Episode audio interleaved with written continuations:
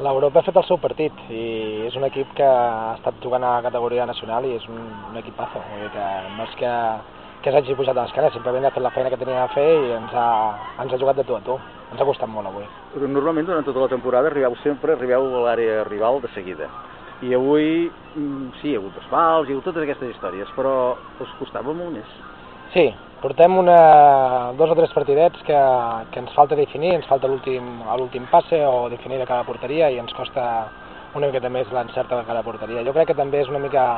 Portem arrossegant moltes molèsties físiques, les delanteres i jugadores del mig del camp i aquesta estat dintre del partit els 90 minuts amb aquesta decisió d'estar a per totes i, i tal ens, ens porta aquest últim passe de no fer-lo en tanta, en tanta eficàcia com, a, com anteriorment fèiem.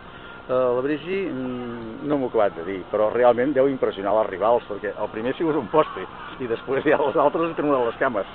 Sí, la Brigi, jo he parlat amb ell al final de, dels penaltis i el que ha dit ella, diu, això és encert, a vegades guanyes, a vegades perds, vull dir, és molt noble la Brigi i de totes maneres és una porteraza i mereix quasi metro 85 o metro 90 i, bueno, impressiona totes les danteres, és, és, és molt bona portera. Bé, uh, la setmana que ve.